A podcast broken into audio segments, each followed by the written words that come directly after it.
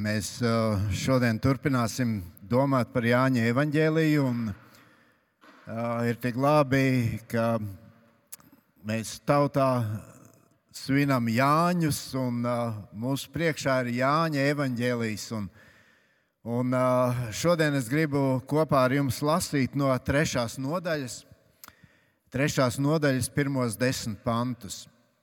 Jāņa evaņģēlijs, trešā nodaļa, pirmie desmit panti. Bet tur bija kāds cilvēks no farizējiem, vārdā Nikodēms, jūdu valdības vīrs.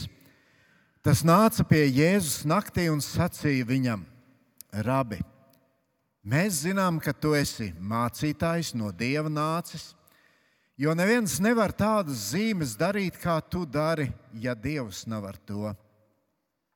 Jēzus atbildēja: Patiesi, patiesi es tev saku, ja cilvēks nepiedzimst no augšas, neredzēt tam dievu valstības. Nikodējums saka viņam, kā cilvēks var piedzimt vecs būdams? Vai tad viņš var atgriezties savas mātes miesās un atkal piedzimt? Jēzus atbildēja: Patiesi, patiesi es tev saku, ja kāds neatzimst ūdenī un garā, netikt tam Dieva valstībā. Kas no miesas dzimis, ir miesa, un kas no gara dzimis, ir gars. Nebrīnies, ka es tev esmu sacījis, tev jāpiedzimst no augšienes. Vējš pūš, kur gribēdams, un tu dzirdi viņu pūšam, bet nezini, no kurienes viņš nāk un kurp viņš iet. Tāpat ir ar ikvienu, kas piedzimis no gara. Nikodējums atbildēja un viņam sacīja, kā tas var notikt. Jēzus atbildēja un viņam sacīja, tu esi Izraēla mācītājs un to nezini. Mīļais kungs! Mums dzīvē ir tik daudz jautājumu, uz ko mēs paši meklējam atbildes, ko mēs uzdodam citiem un ko mēs dzirdam no citiem. Un bieži vien mēs to īsto atbildi nemaz nezinām. Bet paldies, ka šajā dienā tu mūs katru nostādi šī lielā jautājuma priekšā. Domājot par mūsu dzīvi, domājot par mūžību, domājot par mūsu attiecībām ar tevi. Un Dievs palīdz, lai uz, šie, uz, šo, uz šiem jautājumiem, kas ir tik ļoti izšķiroši, lai mēs zinātu šo skaidro atbildi. Un paldies, ka šodien tu mums liec par to domāt. Tavā vārdā iedziļinoties un no tām mācoties. Paldies tev par to. Amen. Lūdzu, sēdieties! Gribu tikai atgādināt, ka mums vasaras sezonā Svētdienas skola nenotiek, no Svētdienas skolas nodarbības, bet tur aizmugurē bērni var paņemt. Ir sagatavots tāds īpašs lapiņas ar jautājumiem, un tad centieties ieklausīties svētrunā un ierakstīt arī savu atbildību. Uh, ir labi būt arī kopā ar bērniem un uh, kopā ar viņiem mācīties. Uh, pirms uh, mēs uh, domājam par šo Dievu vārdu, es gribu jums nodot arī siltus un mīļus sveicienus no brāļiem un māsām aizpūtas draudzē. Uh, ne pagājušā, bet pirms tam tajā svētdienā. Uh, Mēs bijām kopā tādā īpašā sadraudzības dievkalpojumā ar cilvēkiem, kuriem ir kaut kāda saistība ar aizpūtas draugu. Tā situācija jau ir kā visās tādās mazākās pilsētās, kad cilvēki izklīst, pārceļas dzīvot pat uz citām valstīm. Un, un tad bija jauki atkal ar daudziem, daudziem, ko ilgus gadus nebija redzēju, nebijām redzējuši, atkal satikties un uh, būt kopā. Draudzē, kura uh, ir atstājusi tādas dziļas pēdas arī daudz cilvēku dzīvēs. Uh, un sveiciens jums arī no aizpūtas draudzes. Uh, pagājušajā svētdienā uh, mēs Vīlandē, Vīlandes draugzē kopā ar Raimonu domājam par uh, cilvēkiem, kuri lielā pūlī bija sapulcējušies ap Kristu un klausījās, ko Kristus runāja, un uh, sevi uzskatīja par uh, ticīgiem cilvēkiem, bet uh, tur bija tas interesantais vārds, ka Kristus viņiem neusticējās. Vi, Kristus redzēja, ka re, Kristus redzēja daudz dziļāk, ka viņu ticība nav uh, balstīta uz tā pareizā pamata, bet pavisam uz kaut ko citu. Ja, mēs, uh, ja mums būtu tāda iespēja aplūkot uh, Jāņa evaņģēlīja tos ruļļus, oriģinālos, kā Jāņa evaņģēlījis tika uzrakstīts, tad uh, tur mēs neatrastu uh, tādu nodaļu sadalījumu, kā tas ir mūsu Bībelēs. Nodaļas tiks sadalītas vēlāk, lai nu, būtu tā vienkāršāk orientēties un cilvēkiem lasot evaņģēlijas un vispār svētos rakstus. Bet runājot par šo ticību,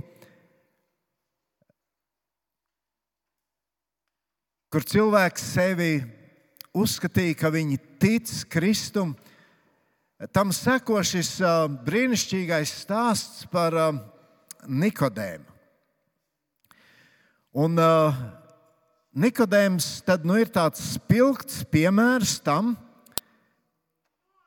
ka cilvēks domā, ka viņam ir šī ticība, bet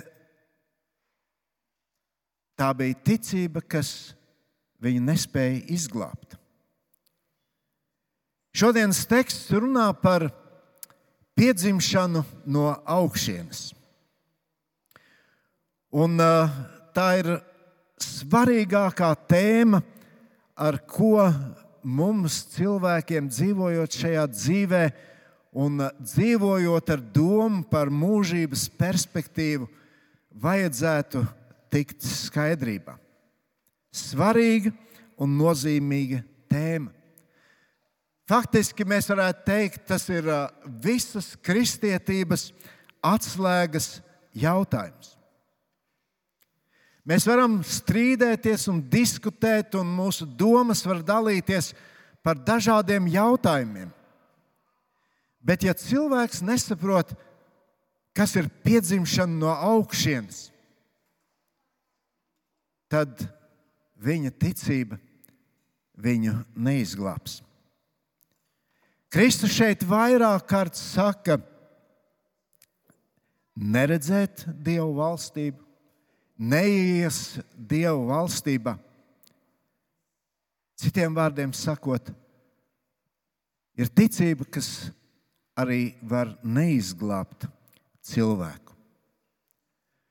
Un tad, nu, ar šausmām mēs varam domāt, taču pasaulē ir tik daudz cilvēku, kuriem saka, jā, es esmu ticīgs, es ticu Dievam, es esmu kristietis, es piedaru kādai draudzēji,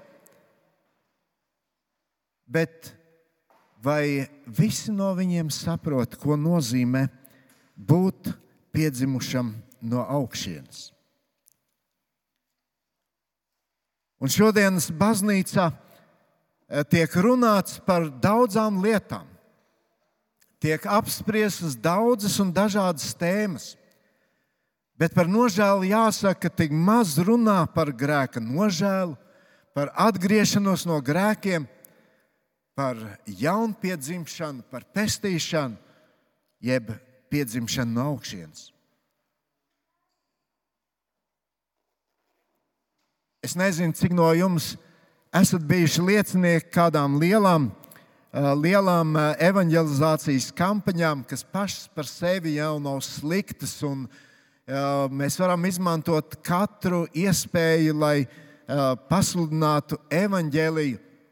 Un manī bieži vien, kad esmu tur piedalījies, ir, ir, piedalījies, ir mulsinājis tas moments, kad cilvēks aicina nodot savu dzīvi Kristum.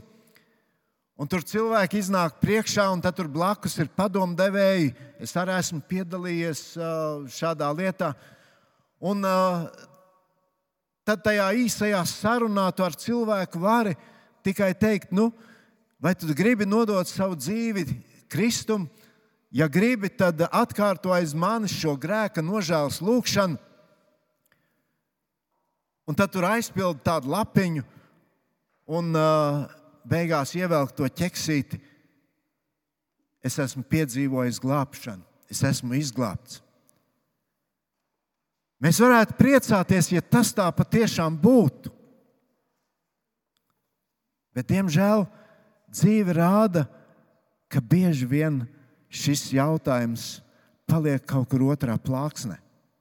Un tāpēc Šodien kopā mēs domāsim par trīs lietām, par kurām runā mūsu teksts. Jāņa evanģēlijas trešā nodaļa, pirmie desmit panti. Vispirms mēs domāsim par, par to, ka par piedzimšanas no augšas nepieciešamību. Otrakārt, par piedzimšanas no augšas viltojumiem.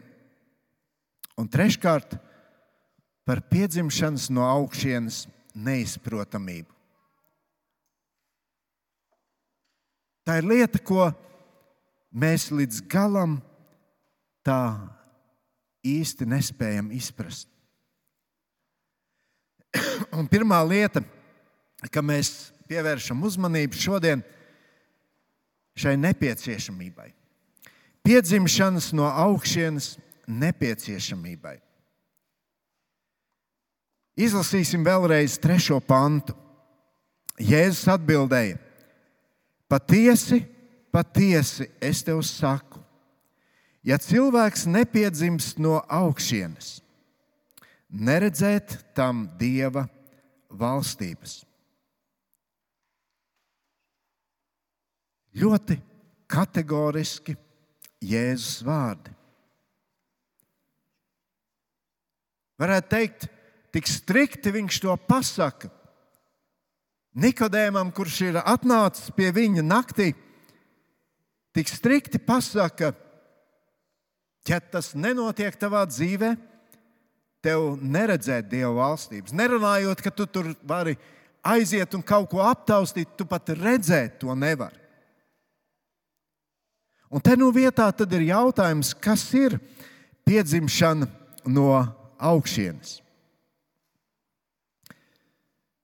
Mēs varētu meklēt skaidrojumu šiem vārdiem, kā to ir teikuši gudri cilvēki, kas ir daudz pētījuši. Bet man gribas, kad mēs šodien tā vienkārši uz to varētu paskatīties, tad man liekas, ka piedzimšana no augšas ir Dieva darbs, ar ko Viņš maina cilvēku, ar ko viņš maina cilvēka dabu.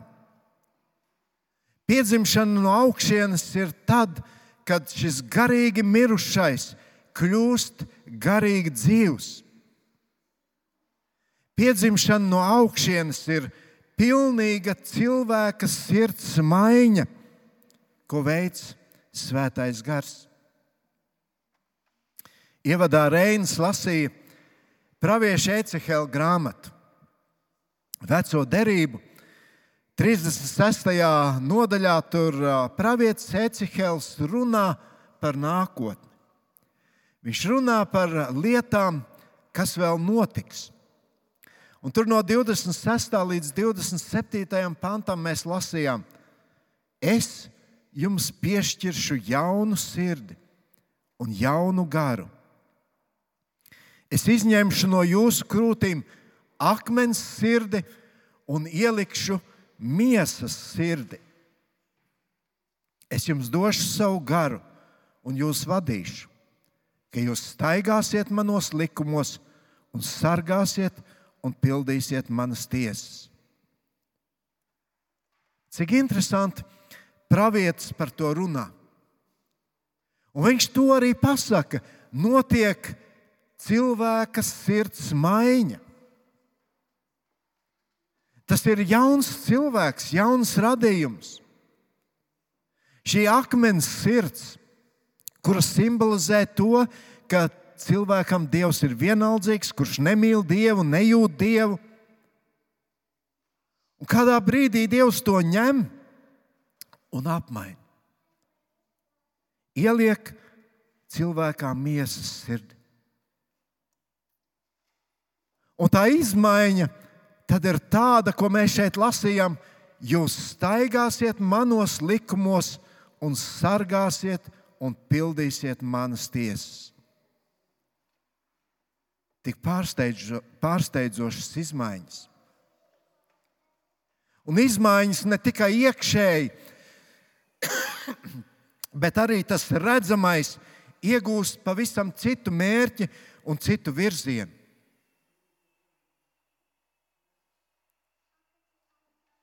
Bet kāpēc? Kāpēc bez piedzimšanas no augšas, bez tā, ko Dievs dara mūsu dzīvēm? būtībā dāvājot mums pilnīgi jaunu dzīvi. Kāpēc cilvēks nevar tikt izglābts? Un mēs lasījām no 5. līdz 6. pantam, kur Jēzus atbildēja Nikodēmam: Patiesi, patiesi es tev saku, ja kāds neatzimst ūdenī un garā, netiktam Dieva valstībā. Kas no miesas dzimis, ir miesa, un kas no gara dzimis, ir gars. Mēs cilvēki visi bez izņēmuma esam grēcinieki. Jo visi mēs esam dzimuši no miesas. Un kā nu mums gribētos, mēs paši sevi nevaram izlabot. Ir vajadzīga piedzimšana no jauna, piedzimšana no augšas, piedzimšana, kura spēja mūsu grēciniekus izmainīt. un to var tikai Dievs. Starp citu, es šeit dažus vārdus gribu teikt par piekto pantu. Jēzus atbildēja, patiesi, patiesi es tev saku, ja kāds neatzimst ūdeni un garā, netiktam Dieva valstībā. Daudzi šos vārdus saista ar kristību. Bet, ja tā, tad jautājums, kas tad notika ar to, noziedznieku pie krusta līdzās Jēzum. Kurš vienā otrā momentā pievienojās tam otrajam, kurš zaimoja Dievu, zaimoja Jēzu.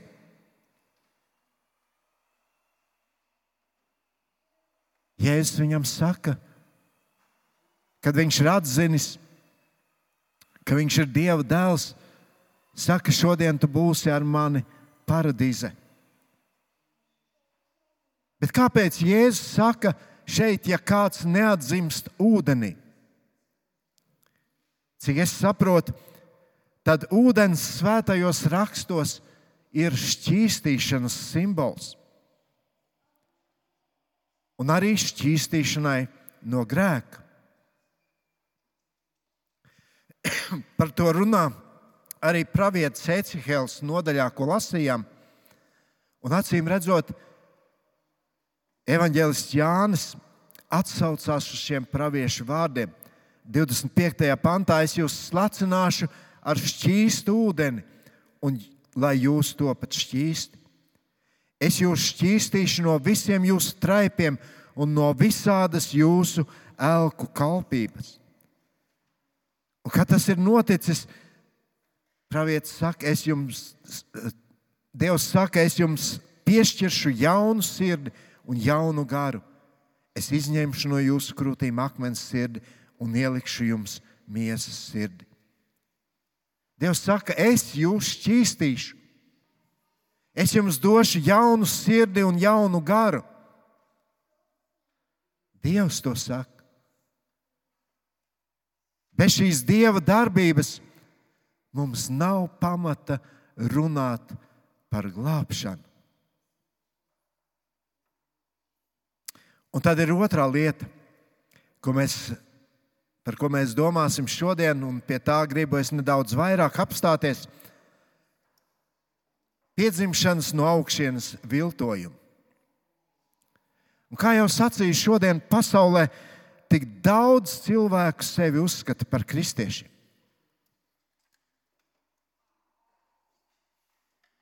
Bet vai viņi var teikt, es esmu piedzimis no augšas?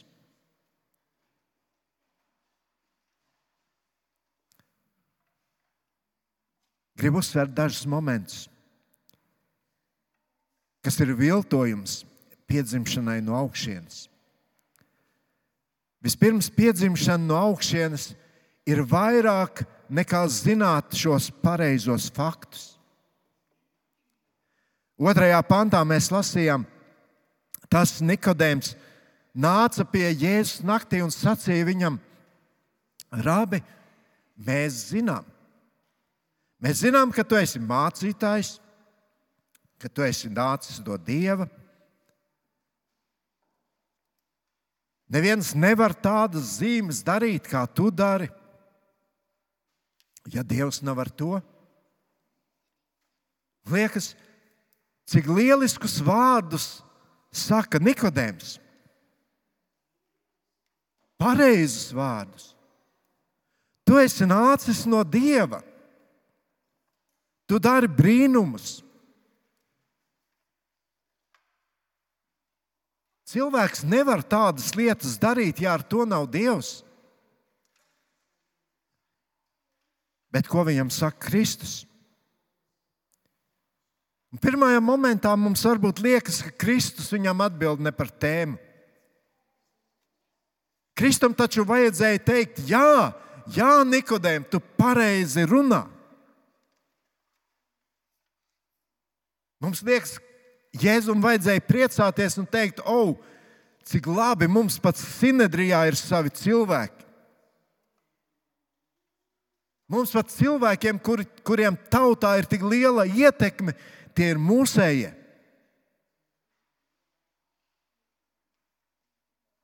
Viņš saka pareizus vārdus, un viņam ir arī it kā pareiza attieksme pret Kristu.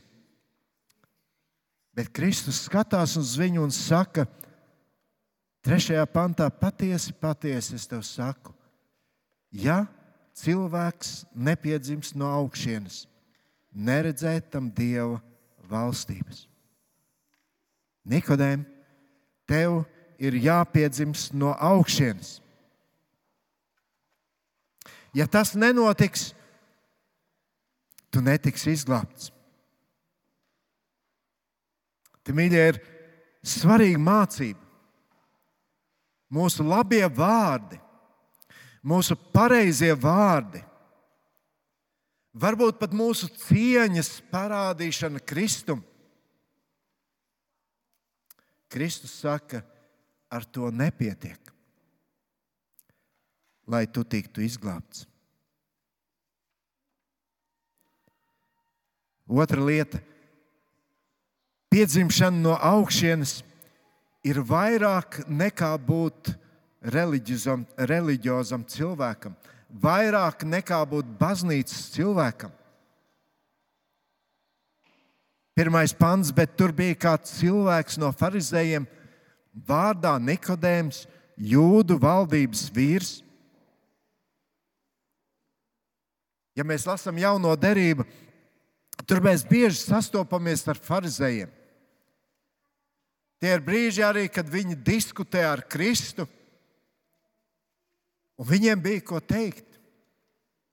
Šie cilvēki bija cieši saistīti ar rakstu pētīšanu. Šie cilvēki ievēr, ievēroja reliģiskās normas, tās pildīja, viņi uzraudzīja, lai citi tās pildītu. Mēs varam teikt, nu, ideāli baznīcas cilvēki, reliģiozi cilvēki. Viņi pat cīnījās, lai katrs punktiņš un katrs burtiņš tiktu punktuāli izpildīts. Viņi zināja svētos rakstus. Viņi pavadīja dienas, nedēļas, mēnešus, gadus, mācījās šos, tos no galvas. Viņi gavēja divreiz nedēļā.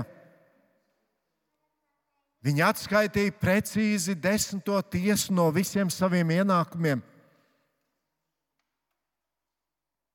Bet neskatoties uz to, viņi palika neizglābti cilvēki. Kāpēc? Tāpēc, ka viņi paļāvās uz visiem šiem darbiem, cerībā, ka ar tiem viņi nopelnīs glābšanu bet viņi nepaļāvās uz Kristu un viņa žēlastību. Ar saviem darbiem, lai cik labi un pareizi tie būtu, tu nevari nopelnīt glābšanu.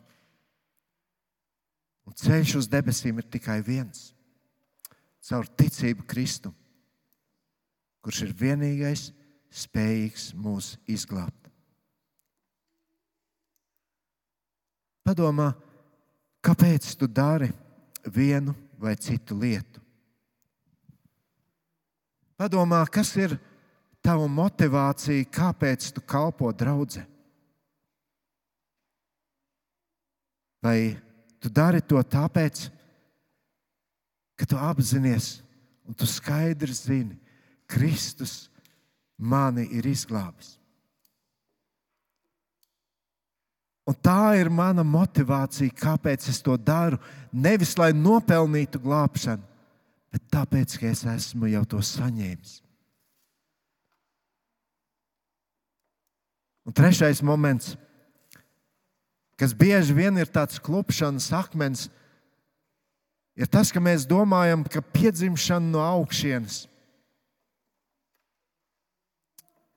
nenozīmē kaut ko vairāk kā manu reliģisko pieredzi, bet piedzimšana no augšas ir vairāk. Kas bija mūsu stāsta galvenais varonis Nikodēms? Mēs lasījām jūdu valdības vīrs. Un, ja mēs paskatāmies desmito pantu, Jēzus saka, tu esi Izraēla mācītājs. Tas jau bija kaut kas. Tajā laikā tādu nemaz nebija daudz. Tie bija īpaši ļaudis. Tie bija populāri ļaudis Izrēlā. Un Nikodējums bija viens no labākajiem, viens no top mācītājiem. Bet no šīs sarunas ar Jēzu mēs saprotam, viņš nebija glābts. Un tad ir jādomā, par ko tad viņš sludināja? Par ko var sludināt cilvēks, kurš pats nav izglābts? Tur ir farizēji. Ko viņi darīja? Viņi strīdējās par dažādām lietām. Bieži vien pat smieklīgām lietām, otršķirīgām lietām. Nu, kaut vai, vai mēs drīkstam ēst olu, ko vista ir izdējusi sabatā? Vai tad, ja es uz ēzeļa uzlikšu maisu ar ūdeni, es sabatā drīkstu mērot garāku ceļa gabalu? Ja jūs veco derību lasat, tad uh, pa zemes ceļu tu varēji vienu daudzumu vienu tādu gabalu noiet sabatā pa ūdens ceļu, tas attālums bija lielāks. Un tā viņi tur uh, strīdējās savā starpā. Viņiem bija plašas diskusijas, viņiem bija stipri argumenti. Un Jēzus skatās uz šo cilvēku un saka viņam, tev ir jāpiedzimst no augšas. Mācītājam, gudram, erudītam cilvēkam, kurš daudz diskutējis, kurš visu ir izpētījis, Jēzus saka, tev ir jāpiedzimst no augšas. Mums šodien ir iespēja pabūt daudzās draudzēs. Atliek, atliek tikai uzspiest, uzklikšķināt datorā. Mēs varam dzirdēt daudzus mācītājus. Un ko tik mēs nedzirdam? Un daudzreiz tu klausies, tur tiek runāts par tik daudzām lietām, bet tu tā arī nesadzirdi Kristus vārdu. Tu tā arī nesadzirdi šo Kristus evaņģēliju. Mēs varam daudzas lietas kristietībā zināt, bet vai mēs pazīstam Kristu? Pazīstam Kristu tā līdz sirds dziļumiem, lai mēs ar sajūsmu varam stāstīt par viņu citiem. Ziniet, tā jau nav tikai mūsdienu problēma. Apostols Pāvils arī runā par šo problēmu, un viņš dalās ar savu sāpi par to. Vēstulē romiešiem 9. nodaļā, no 2. līdz 5. pantam, mēs lasām, viņš saka, man ir lielas skumjas, man ir nepārtrauktas sāpes sirdī. Kāpēc, Pāvils? Viņš saka, es vēlētos būt nolādēts, atstumts no Kristus par labu saviem brāļiem, kas pēc miesas ir mani brāļi, izrēlieši, kam pieder bērnu tiesa, dievišķā godība, derības, bauslība, kalpošana, apsolījumi. Tēvi, no kuriem arī Kristus ir cēlies pēc miesas, kas ir Dievs par visiem, augsti slavēts mūžīgi. Pāvils raugās uz tiem daudziem cilvēkiem, un viņas sirds sāp. Viņi nepazīst Kristu. Es nezinu, kā jums, bet man daudzreiz liekas, ka daudz vieglāk ir, daudz vieglāk evaņģēlīju pieņem un uh, vieglāk tikt glābtam tam vissliktākajam, viszemāk kritušajam cilvēkam, Nevis cilvēkam, kurš par sevi ir, augst, par sevi ir augstās domās. Nevis cilvēkam ar bagātīgu reliģisku pieredzi. Kad es skatos uz savu dzīvi, uz savu nākšanu, uz to brīdi, kad Kristus mani atrada. Jā, es biju jauns, bet arī manī bija tā doma, ka es jau esmu pietiekoši labs. Bet tad tu, tur bija kāds moments, kad tu vienkārši salūsti. Man bija šī pieredze, man bija mani vecāki, man bija draugi, uz kurus es gāju, no piedzim, mani veda no piedzimšanas brīža. brīža. Sēdēju tur koras solos, svētdienas skolā gāju. Pieredze.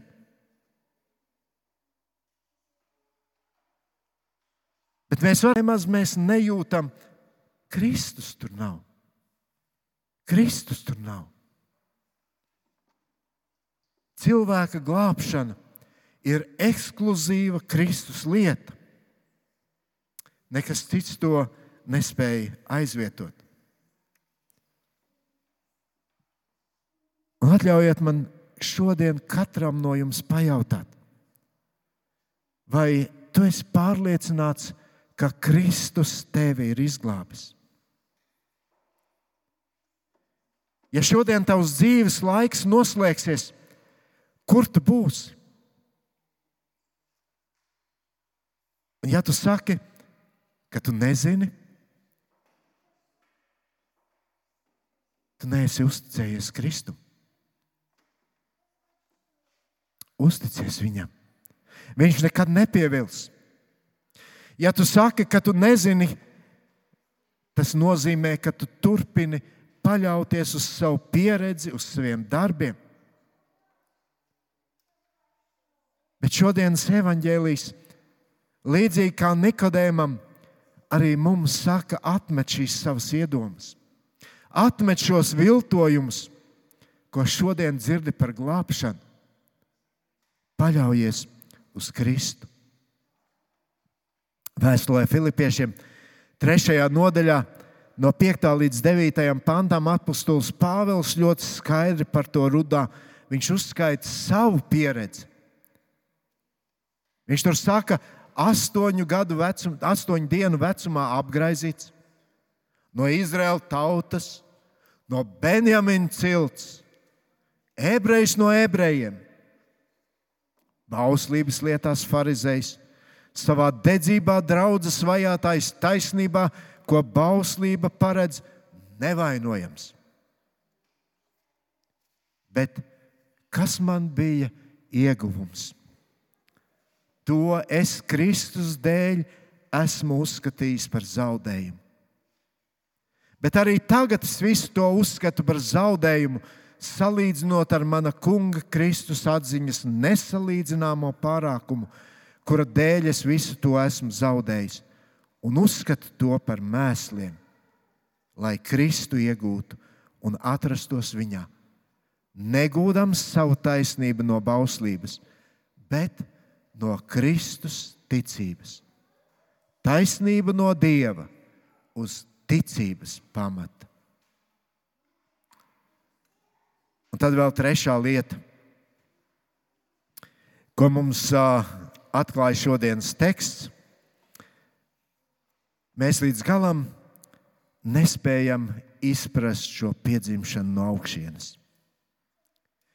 Mēs lasījām 7. un 8. pantā. Nebrīnies, es, kā es tev esmu sacījis, tev jāpiedzimst no augšas. Vējš pūš, kur gribēdams, un tu dzirdi viņu pūšam, bet nezini, no kurienes viņš nāk un kurp viņš iet. Tāpat ir ar vienu, kas piedzimis no gara. Laikam jau būs grūti izdomāt precīzāku ilustrāciju, kur Jēzus runā par to, ko dara svētais gars pie cilvēka. Viņš saka vienkāršu piemēru: vējš pūš, kur gribēdams.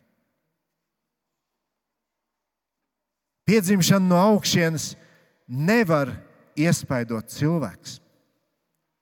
Kurš no mums var iespaidot vēju? Neviens. Tas ir suverēns Dieva darbs pie mums. Jā, ka vēstulē 1,18 mēs lasām, Viņš mūs ir izvēlējies un atzemdinājis ar patiesības vārdu, lai mēs būtu kā viņa radījuma pirmā augļa. Piedzimšana no augšas nav iespējams izskaidrot ar mūsu ierobežotām spējām. Un kā lai mēs izskaidrojam, ka mēs, kas bijām garīgi miruši, mēs kļūstam atkal dzīvi?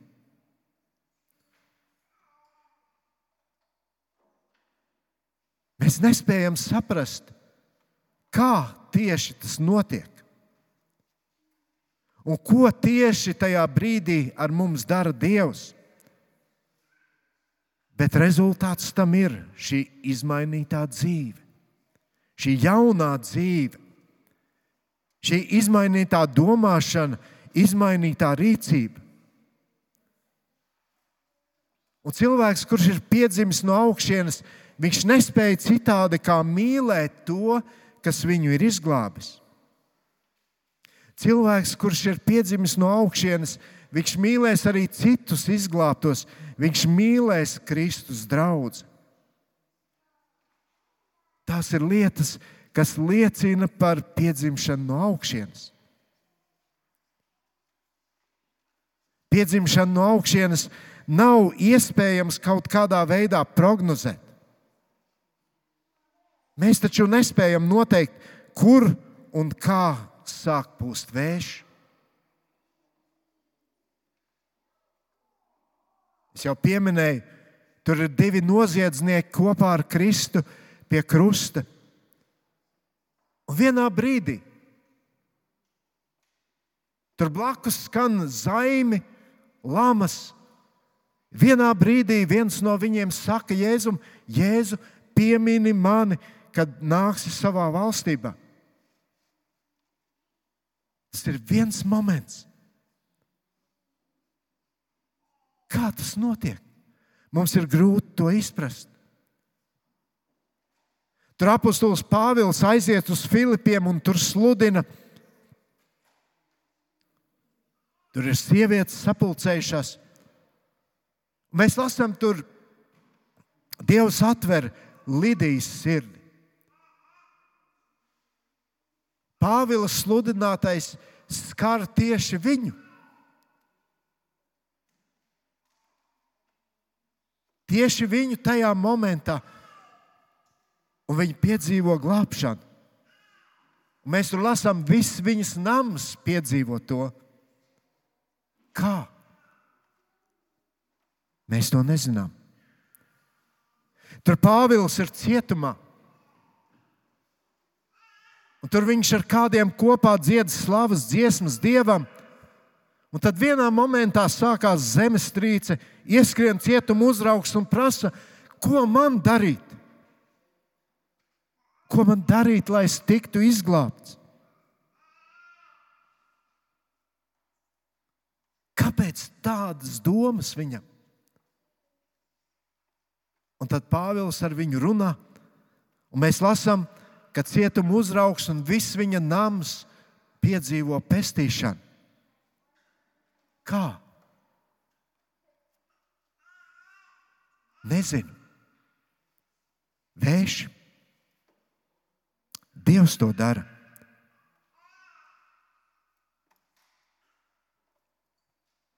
Zinu, daudz cilvēku notika tad un tad, un mums nav iemesla viņu, viņus apšaubīt.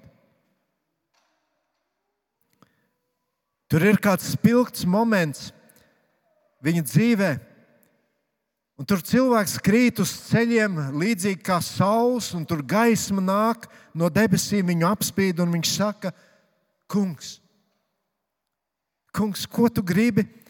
lai es daru. Bet tur ir citi cilvēki, kuru dzīvēs tas ir ilgāks process, līdz viņi saprot, es vairs negribu dzīvot grēkā. Viņi nožēlo to, un viņi piedzīvo, piedzīvo šo izmaiņu. Viņi piedzīvo, ka Kristus viņu dzīvēs ir kļuvis dārgs. Bez piedzimšanas no augšas cilvēks nevar tikt izglābts. Uzmanies no viltojumiem un necenties apšaubīt Dieva darbu pie cilvēkiem, mērot visus pēc vienas mērauklas. Un pirms mēs lūdzam, Es gribu jums uzdot jautājumu. Vai tu esi piedzīvojis šo pārmaiņu savā dzīvē? Vai tu esi piedzimis no augšas? Vai tavā dzīvē ir kādas iezīmes šai jaunai dzīvei Kristu? Ja jā, tad tu esi vislaimīgākais, visbagātākais cilvēks pasaulē. Un mūžības perspektīvā tas ir pats labākais, kas ar tevi ir varējis notikt. Pateicies Dievam par to. Glabā to, sargi to kā lielāko dārgumu. Ja nē, tad beidz izlikties. Lūdz Dievam pēc atdošanas un žēlastības. Mēs nezinām, kas notika Nikodēma dzīvē. Šajā stāstā mēs redzam viņu nobijušies. Mēs redzam cilvēku, kurš bija zaudējis drosmi un izvēlējās nakti, lai nāktu un parunātu ar Kristu. Viņš slēpās no cilvēkiem. Bet mēs zinām vēl kaut ko. Mēs zinām, ka tad, kad Kristus nomira pie krusta, tad Nikodējums bija tas, kurš arī tur atnāca. Viņš atnesa svaidāmās zāles un apbedīja Kristu. Man gribētos ticēt, ka viņš tika izglābts. Dievs to zina. Lūksim. Mīļais debes Tēvs, paldies par šo svarīgo ziņu, ko Tavs vārds mums atgādina un ko, ar ko Tavs vārds mūs uzrunā. Lai kā mums gribētos domāt šīs labās domas par sevi, par savu dzīvi.